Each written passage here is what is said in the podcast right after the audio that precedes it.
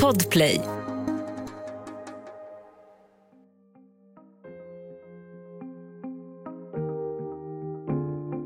Natten den 8 november 1993 är Moderna Museet i Stockholm öde.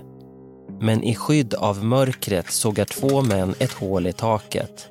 Sen firar de sig ner i museet utan att larmet går. När männen senare försvinner därifrån har de med sig konstverk värda en halv miljard kronor. Moderna Museet i Stockholm blev bestulet på några av sina allra mest kända verk. Moderna Museets säkerhetschef Kjell Hestrell bestämmer sig för att göra allt för att få tillbaka konsten. Det var ju eh, panik helt enkelt på allting som hade hänt. Han blir privatspanare i gråzonen mellan det tillåtna och olagliga. Vi lurades helt enkelt om man ska uttrycka sig i klartext. Den nya vardagen innehåller hemliga möten med konsthärlare, hotbrev från bedragare och förhandlingar med brottslingen Clark Olofsson. Men det ska visa sig att den som får betala det högsta priset är Kjell Hestrell själv. Det blev ju en total tystnad omkring mig efter det här. Du lyssnar på Jag var där, en podd med Lisa Wallström och mig, Andreas Utterström. Nytt avsnitt varje onsdag om du inte lyssnar i Podplay-appen. Där finns hela säsongen redan nu, helt gratis.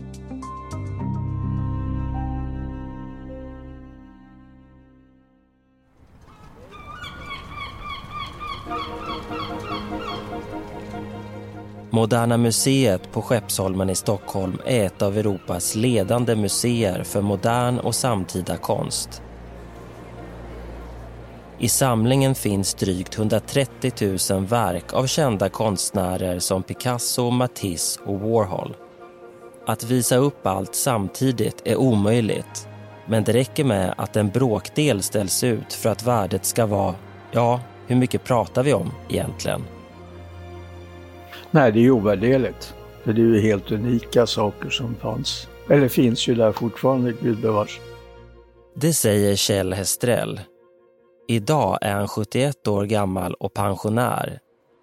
Men 1985 anställs han som säkerhetschef på Statens konstmuseer. Jobbet innebär att han bland annat ansvarar för säkerheten på Moderna Museet i Stockholm. Med sin bakgrund inom det militära är Kjell Estrell van vid ordning och reda. Att planera för det värsta och hoppas på det bästa. Men när Hestrell sätter sig in i säkerheten på Moderna Museet får han en chock. Ja, det var ju det som var så jobbigt för att när jag började jobba 1985 så insåg jag ju liksom att det var ju totalt bristfälligt. Det fanns inte tillräckligt med larm och liknande saker och inte tillräcklig utbildning för personalen som jobbade där. Utan det var ju väldigt naivt allting. Och framförallt på Moderna Museet, där hade man ju hållit på och byggt på den larmanläggningen så mycket så den nästan inte orkade fungera. Och vi fick ju inte ens ha kameror på utsidan. Det mest akuta är att uppgradera larmsystemet vilket Kjell Estrell och hans chefer är helt överens om. Utan framgång försöker de få de pengar som behövs. Men Moderna Museet ska snart byggas ut så investeringen får vänta. Det värsta är ju att när det gällde Moderna Museet, där visste ju vi att det var ju helt undermåligt larmet. Det gick ju sönder hela tiden. Och eh, då skrek jag väl i högan sky liksom att eh, det är nu det kommer att hända. Om det någon gång ska hända så kommer det ju hända nu. Och nu, det är 1993 då 41-årige Kjell Hestrell varit säkerhetschef i åtta år. Ett bättre jobb är svårt att tänka sig för någon som är både konstintresserad och kan säkerhetsfrågor. Men Hestrell är orolig för det är uppenbart att något är på gång vid Moderna Museet. Vakterna har lagt märke till att en nattetid rör sig folk på Skeppsholmen på ett mystiskt sätt. Dessutom har larmet gått ovanligt många gånger på närbelägna Östasiatiska museet som nattetid delar väktare med Moderna. Morgonen den 8 november 1993 ligger Kjell Hestrell hemma och sover. Jag var faktiskt på väg på semester vid det tillfället och eh, jag blev uppringd hemma. Så att eh, det var ju ett hemskt uppvaknande helt enkelt. En Securitasvakt berättar att Moderna Museet har utsatts för en stor stöld. Kjell Hestrell blir med ens klarvaken, hoppar in i bilen och åker dit direkt. Och eh, ja, vad ska man säga? Det var ju eh, panik helt enkelt på allting som hade hänt. Och just de här verken utav alla. Och möts utav, eh, jag på att säga en katastrof helt enkelt. För att det, det var ju så overkligt. Och då hade man ju gått ner genom taket. Ja, Moderna Museet har utsatts för en så kallad Rififi-kupp. Under natten den 8 november 1993 går larmet återigen på Östasiatiska museet som ligger tre minuters promenad därifrån. Nu måste väktaren lämna Moderna Museet och bege sig till Östasiatiska som hon också har ansvar för. Det innebär att det är fritt fram för konsttjuvarna. I skydd av mörkret tar sig två män upp på Moderna Museets tak. Den del av byggnaden de är på väg till är olarmad eftersom systemet, det som retat säkerhetschef Kjell Hestrell i åtta år, är så gammalt. Gärningsmännen tar sig fram till exakt rätt plats på taket. Precis ovanför den del av museet där alla Pablo Picassos verk finns. De två männen klipper upp plåten och sågar ett hål i taket ungefär en meter långt och en halv meter brett. Med hjälp av ett rep firar de ner sig i hålet sex och en halv meter innan de når golvet. Inne i Moderna Museet sliter de två männen ner fem Picasso-målningar från väggarna. De får också med sig Picassos bronsstaty Kvinna liksom två målningar av Braque. Men en sak misslyckas tjuvarna med. Att få med sig en av Picassos skulpturer, för den sitter för hårt förankrad. Men det här är en liten motgång i en stor framgång. För när de två tjuvarna firar upp sig genom hålet i taket och tillsammans med en medhjälpare som hållit vakt lämnar Moderna Museet har de lyckats med något unikt. De har utfört den största kuppen i svensk konsthistoria och kommit över verk värda en halv miljard kronor. När väktaren som har kontrollerat falsklarmet på Östasiatiska museet är tillbaka vid Moderna märker hon inget. Allt verkar som vanligt. Stölden upptäcks istället av en städare klockan 8.40 den 8 november 1993. Snart når det som hänt medierna och så här låter det samma dag i Sveriges Radio. Ja, en mycket omfattande konststöld genomfördes i natt. Moderna Museet i Stockholm blev bestulet på några av sina allra mest kända verk. Vi har museichefen Björn Springfelt. Det har stulits två verk av Georges Braque och sex stycken verk av Picasso. Några av de eh, viktigaste verken som finns i museets samlingar. Till ett värde av? Bortåt en halv miljard. Precis det säkerhetschef Kjell Hestrell befarat och under åtta år varnat för har nu hänt. Åtta konstverk till ett värde av 500 miljoner kronor är borta. Men kände du då att, ja, vad var det jag sa lite grann när du stod där? Ja, det gjorde jag faktiskt.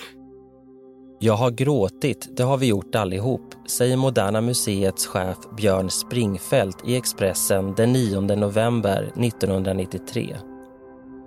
Säkerhetschef Kjell Hestrell har inte tid för tårar, för nu är det hårt arbete som gäller. Tjuvarna har uppenbarligen haft detaljkunskap om Moderna Museets bristande säkerhet. Betyder det att någon på insidan hjälpt tjuvarna? Nej, det tror jag inte. Det är om du har några kunskaper om larm och hur larm fungerar, då är det inte svårt att läsa av i gamla byggnader hur larmet är uppbyggt. Så det behöver inte komma från insidan inte.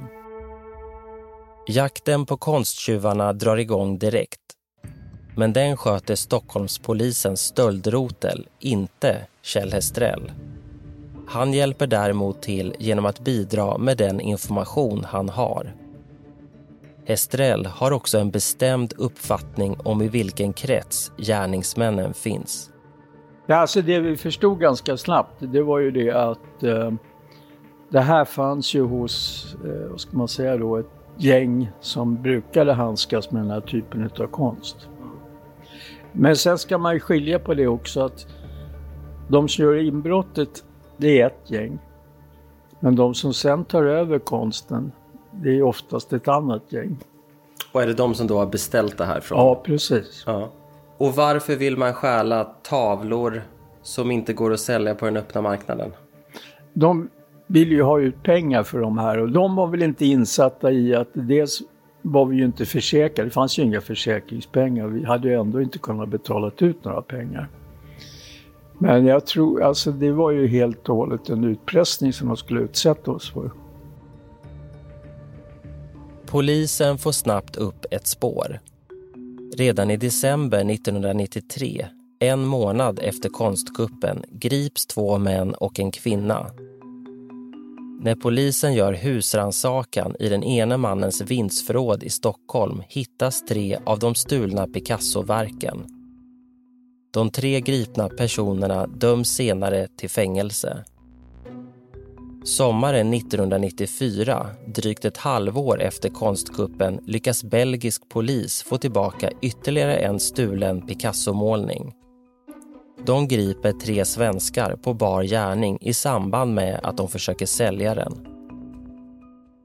Det här är såklart goda nyheter för Moderna Museets säkerhetschef Kjell Hestrell men han är ändå inte nöjd. Sommaren 1994 har det gått ett drygt halvår sedan konstkuppen och fyra konstverk värda 250 miljoner kronor är fortfarande borta. Kjell Hestrell inser att han måste ta till okonventionella metoder. Polisen får inte förhandla med kriminella om att köpa tillbaka stulen konst. Men det får Kjell Hestrell göra, en fördel han tänker utnyttja till max.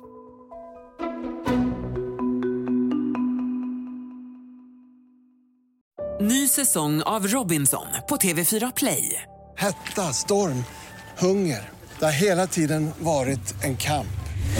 Nu är det blod och tårar. Fan händer just det. Det är detta inte okej. Robinson 2024, nu fucking kör vi!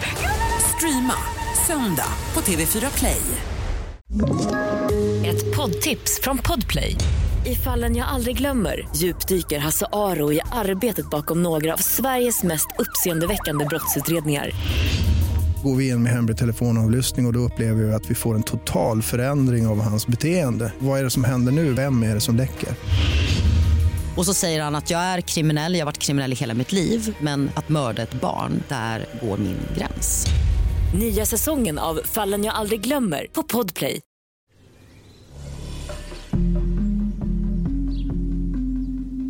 Sommaren 1994, drygt ett halvår efter Rififi-kuppen mot Moderna Museet inser säkerhetschef Kjell Hestrell att han måste växla upp.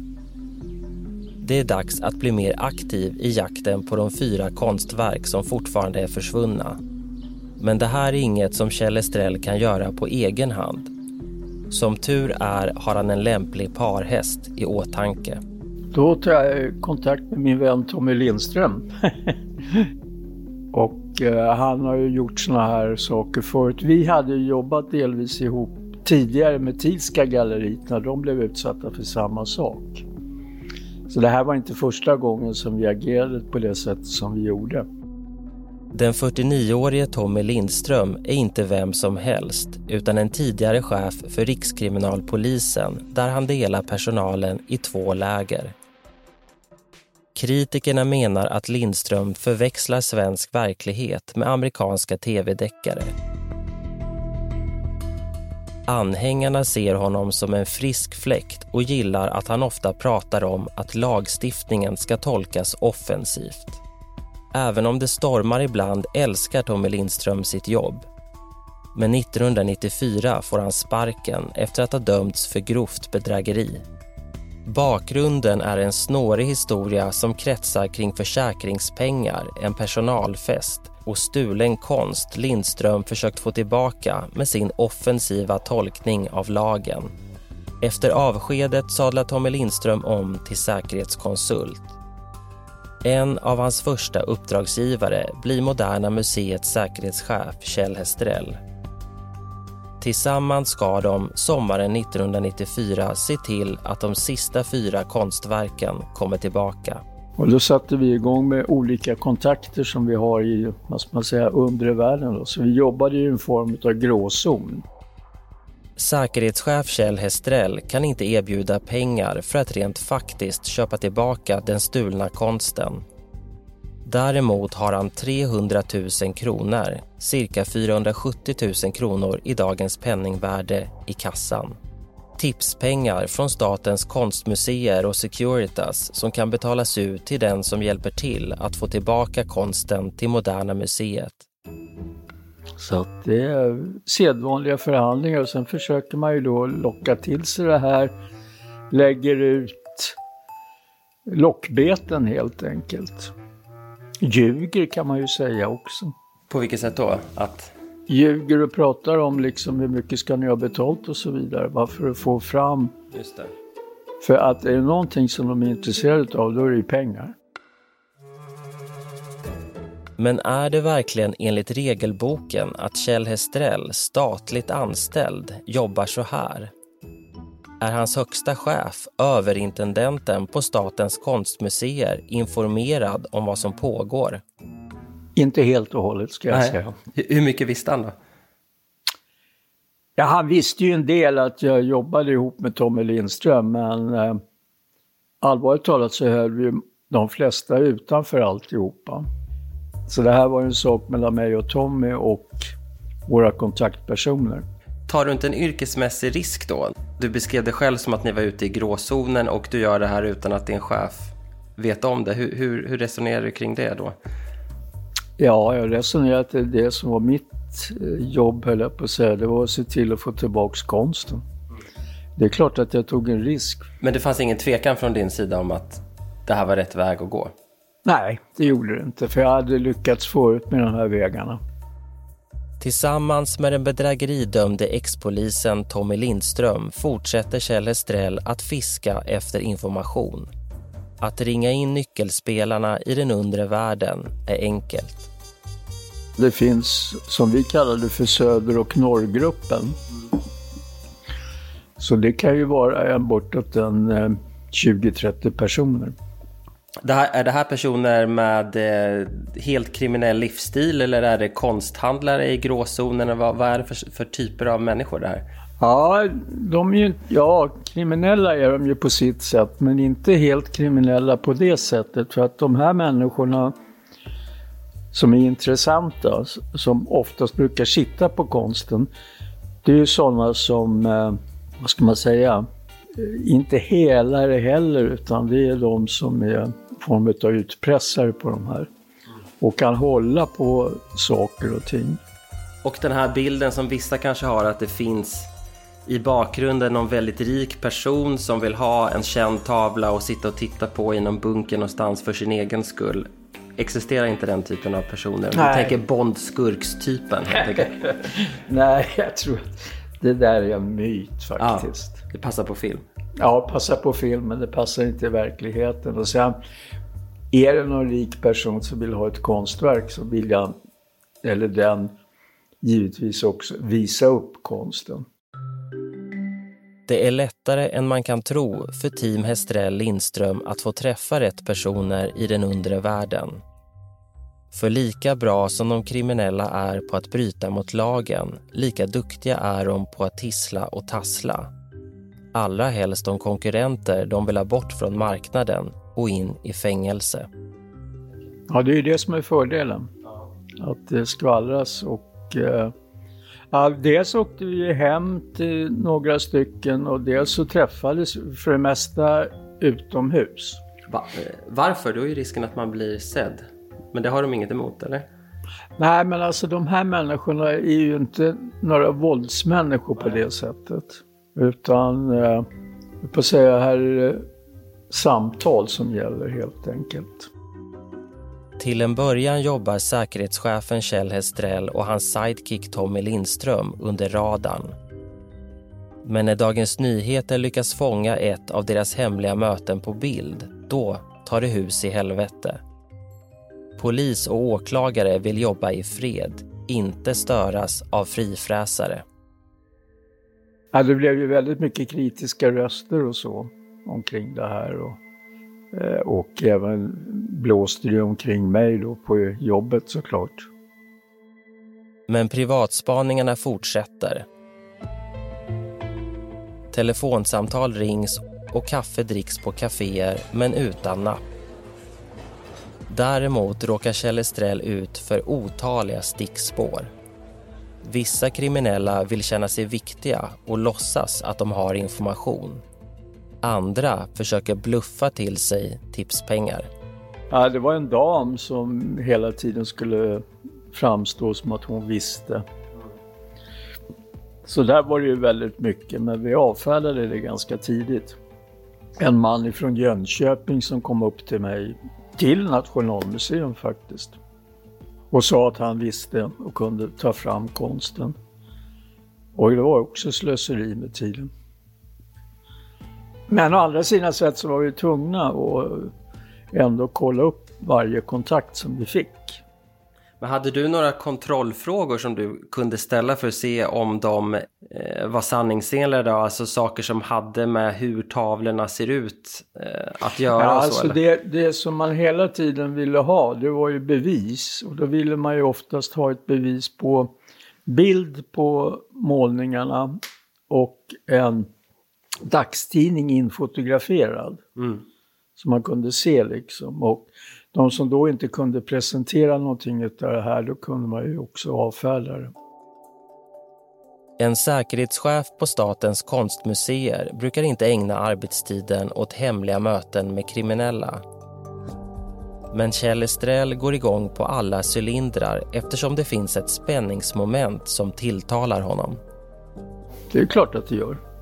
Det är ju ett äventyr i sig, men jag hade ju gjort sådana äventyr tidigare också. Men då hade jag blivit ordentligt hotad också.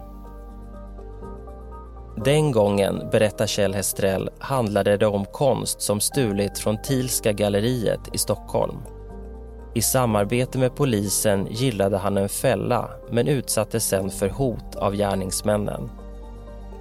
Trots den otäcka erfarenheten finns det inga tveksamheter inför att 1994 ge sig in i nya förhandlingar med kriminella. Nej, faktiskt inte för att det här var ju så stort alltihopa så att jag tror inte man tänkte riktigt klart alla dagar. Idag, 30 år efter konstkuppen mot Moderna Museet har Kjell Estrell lite svårt att minnas i vilken ordning saker och ting hände. Det var så många lovande tips och snöpliga återvändsgränder om vartannat. Allt flyter ihop. Men en sak minns Kjell Hestrell tydligt.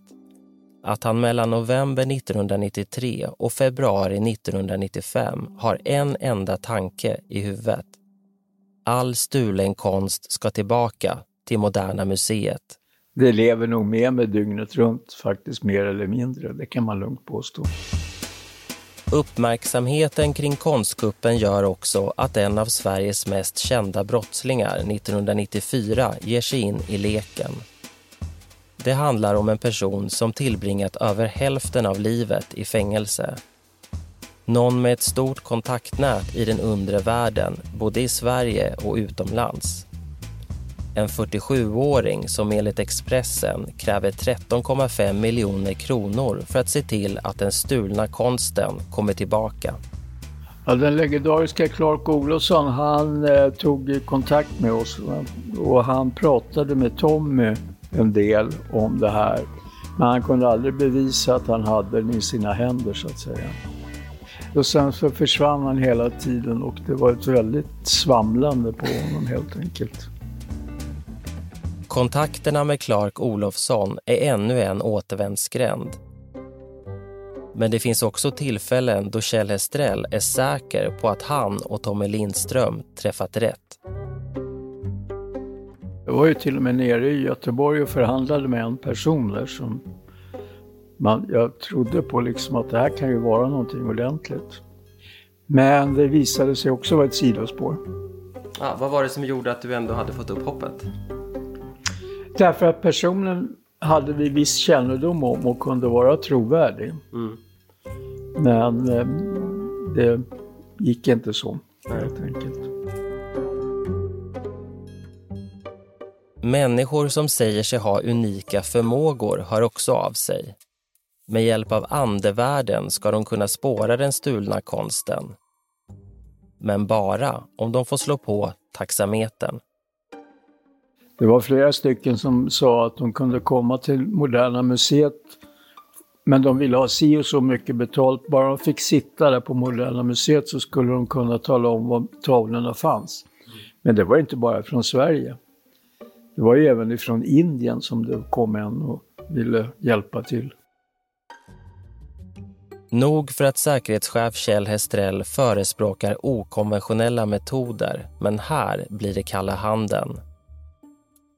Lika sval är han inför dem som försöker skrämmas. Jag fick uh, vykort och grejer också med avbrända tändstickor och så som hotade liksom att bränna tavlorna. Så det var mycket sånt omkring det hela. Och var det något av det som du minns som kändes som att det kunde vara på riktigt? Nej, jag avfärdade nog det där ganska snabbt faktiskt. För det, det hade hänt förr också, man kom med sådana tomma hot. Mm. Så att, eh, och oftast är det ju så att de här som verkligen vill ha ut något, de hotar ju aldrig med att förstöra grejerna. I januari 1995 har det gått 14 månader sedan Rififi-kuppen mot Moderna Museet. Fyra konstverk till ett värde av 250 miljoner kronor saknas fortfarande. Men säkerhetschefen Kjell Estrell har inte gett upp hoppet. Och nu lossnar det äntligen på allvar.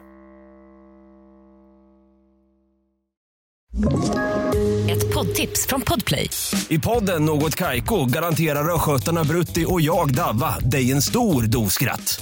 Där följer jag pladask för köttätandet igen. Man är lite som en jävla vampyr. Man har fått lite blodsmak och då måste man ha mer. Udda spaningar, fängslande anekdoter och en och annan arg rant. Jag måste ha mitt kaffe på morgonen för annars är jag ingen trevlig människa. Då är du ingen trevlig människa, punkt. Något Kaiko, hör du på Podplay. Därför är gardinerna. I januari 1995 har Kjell Hestrell fått vittring. Det har gått 14 månader sedan kuppen mot Moderna Museet. Men nu börjar det äntligen hända saker. Ja, det som händer det är det att vi lägger ut väldigt mycket, vad ska man kalla det för, trådar då till olika personer och, över hela landet. Och eh, vi gjorde ju så här lite fejkade grejer kan vi väl säga och det var ju det att vi såg till att vissa kontakter gick in och sa att de skulle köpa konsten. Så vi lurades helt enkelt om man ska uttrycka sig i klartext. Och, på det, och sen drog vi tillbaks det där då hela tiden och då blev det ju en osäkerhet för de som satt på konsten. Det var det som fick en bra inverkan helt enkelt. Det är som ett schackspel helt enkelt. Ja. Kjell Hestrell använder sig också av medierna. I sina många intervjuer betonar han att det är omöjligt att sälja konsten. Tillsammans med de dimridåer som han och Tommy Lindström lagt ut gör det här att de stulna verken från Moderna Museet blir för heta. Få i den undre världen vill röra dem. Varför riskera fängelse genom att hantera stulen konst som ändå inte går att sälja? Det som händer då det är det att jag blir uppringd av en person som eh, helt eh, okänd då men som jag pratade väldigt mycket med som Sa att jag kan komma över konsten. Om bara ni kommer och hämtar den, jag ska inte ha några pengar, ingenting. Men ni får komma och hämta den. Och jag förhandlade ju med honom, eller pratade med honom väldigt ordentligt. Och eh, fick hans hemadress och allting.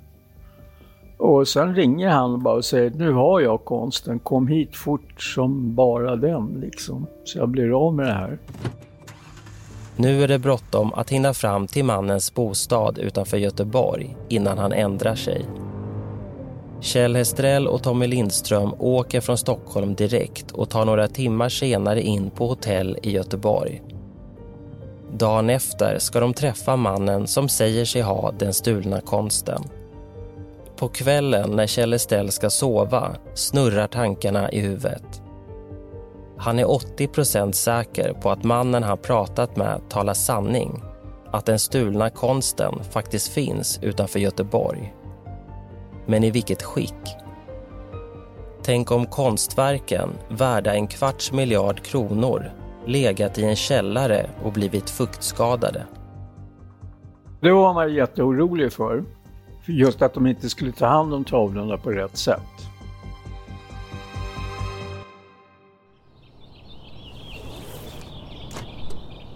Nästa morgon, en februaridag 1995, sätter sig säkerhetschef Kjell Hestrell och parhästen Tommy Lindström i bilen och kör mot adressen där konsten ska finnas. Är det förenat med några risker, tänker du? Ja, det var vi väl eh, lite grann beredda på att det skulle kunna vara en risk. Mm. Och hur hade ni pratat kring det då? Ja, vi vi var väl lite störska då för att vi, vi sa väl det att vi tar den här risken helt enkelt. Kjell Hestrell kliver ur bilen utanför bostaden som tillhör mannen som säger sig ha konsten.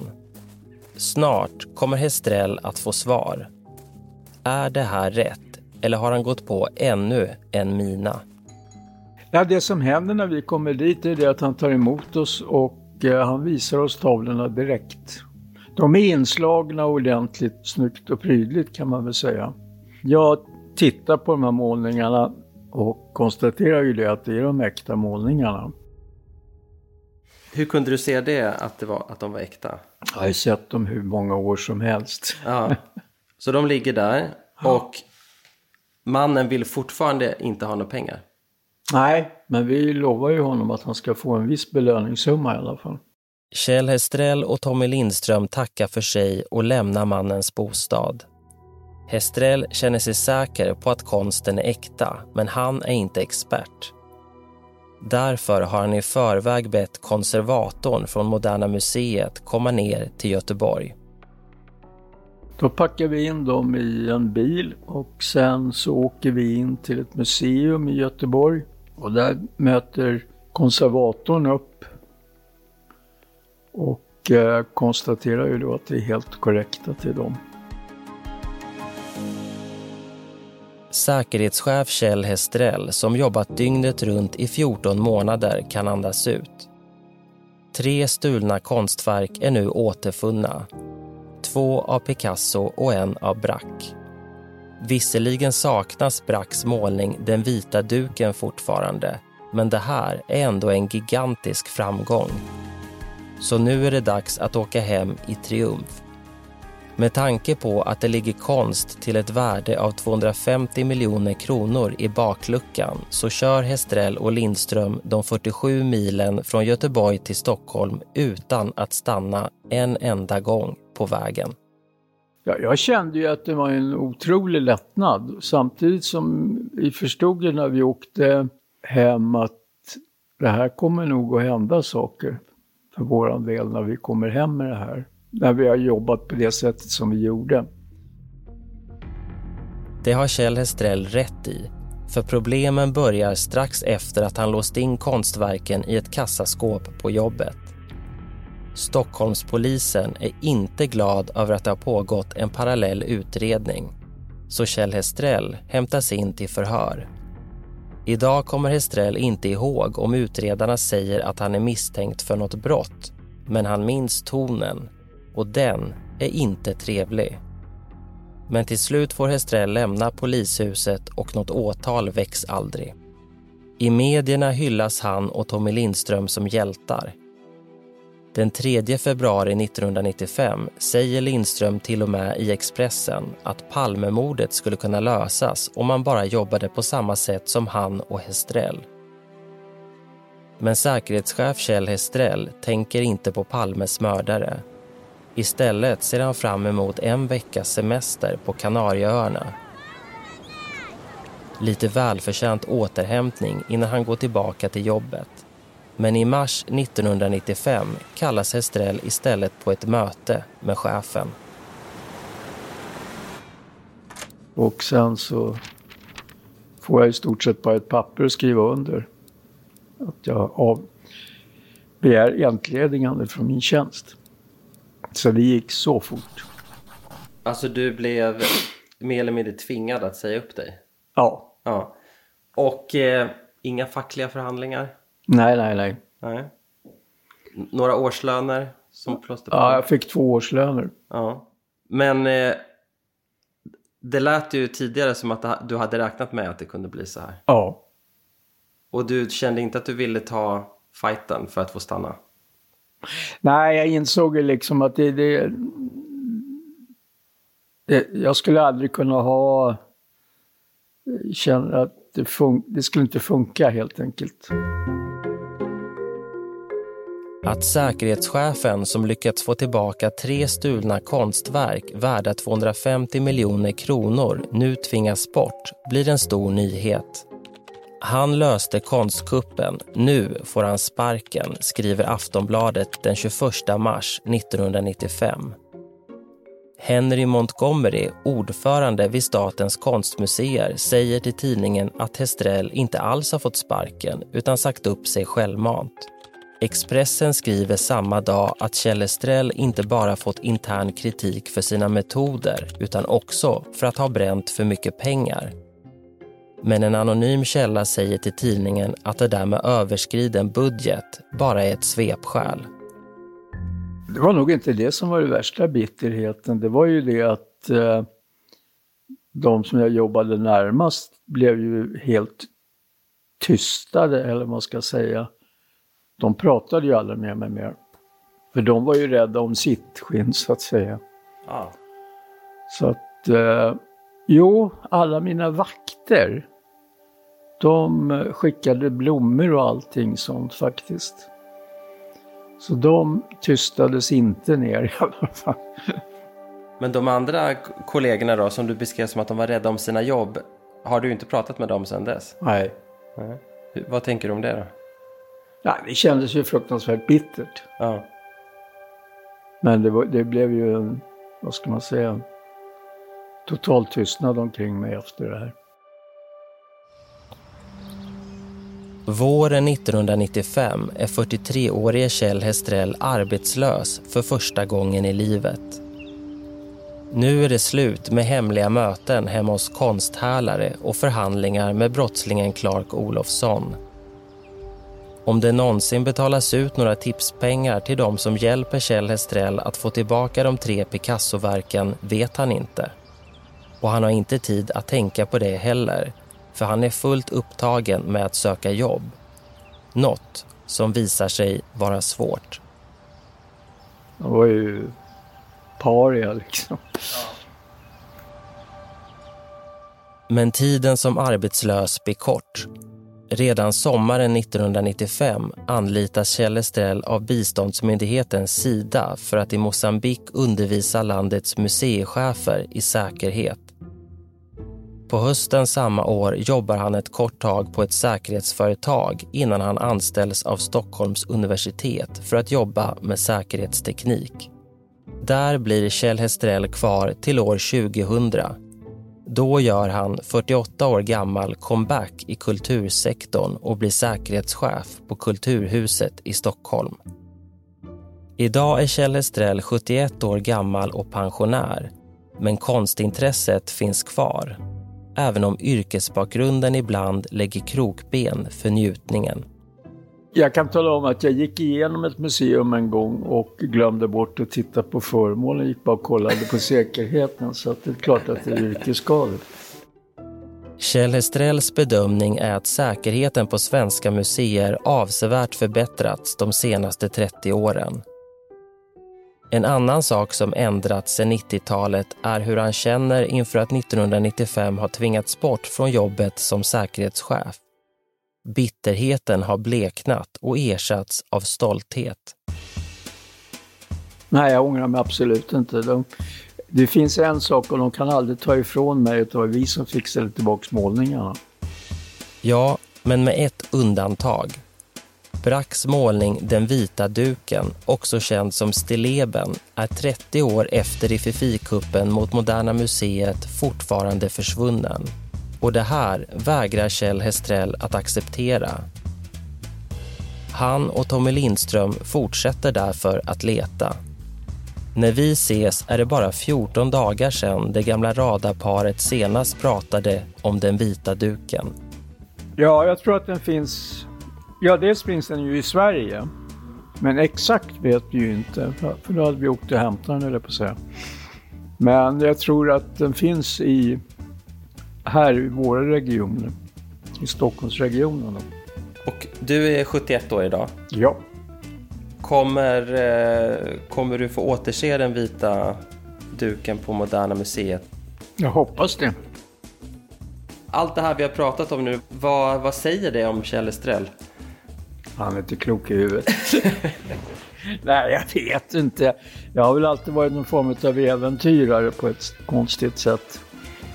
Så att jag har inte backat liksom, utan vill jag något så har jag gått rakt fram.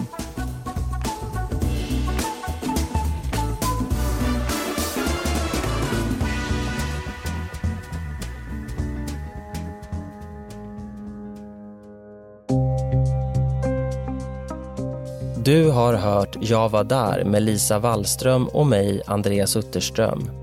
Producent är Andreas Karlsson. Exekutiv producent på Podplay, Victoria Rinkos. Det här är en produktion av Commercial Content för Podplay. Läs mer om commercial content på vår sajt och följ oss gärna på Instagram och LinkedIn.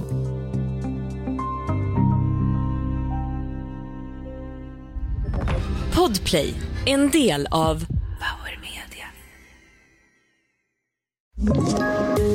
Poddtips från Podplay. I podden Något Kaiko garanterar östgötarna Brutti och jag, Davva, dig en stor dos skratt. Där följer jag pladask för köttätandet igen. Man är lite som en jävla vampyr. Man har fått lite blodsmak och då måste man ha mer. Udda spaningar, fängslande anekdoter och en och annan arg rant. Jag måste ha mitt kaffe på morgonen för annars är jag ingen trevlig människa. Då är du ingen trevlig människa, punkt. Något Kaiko, hör du på Podplay. Därför arkadeinerna.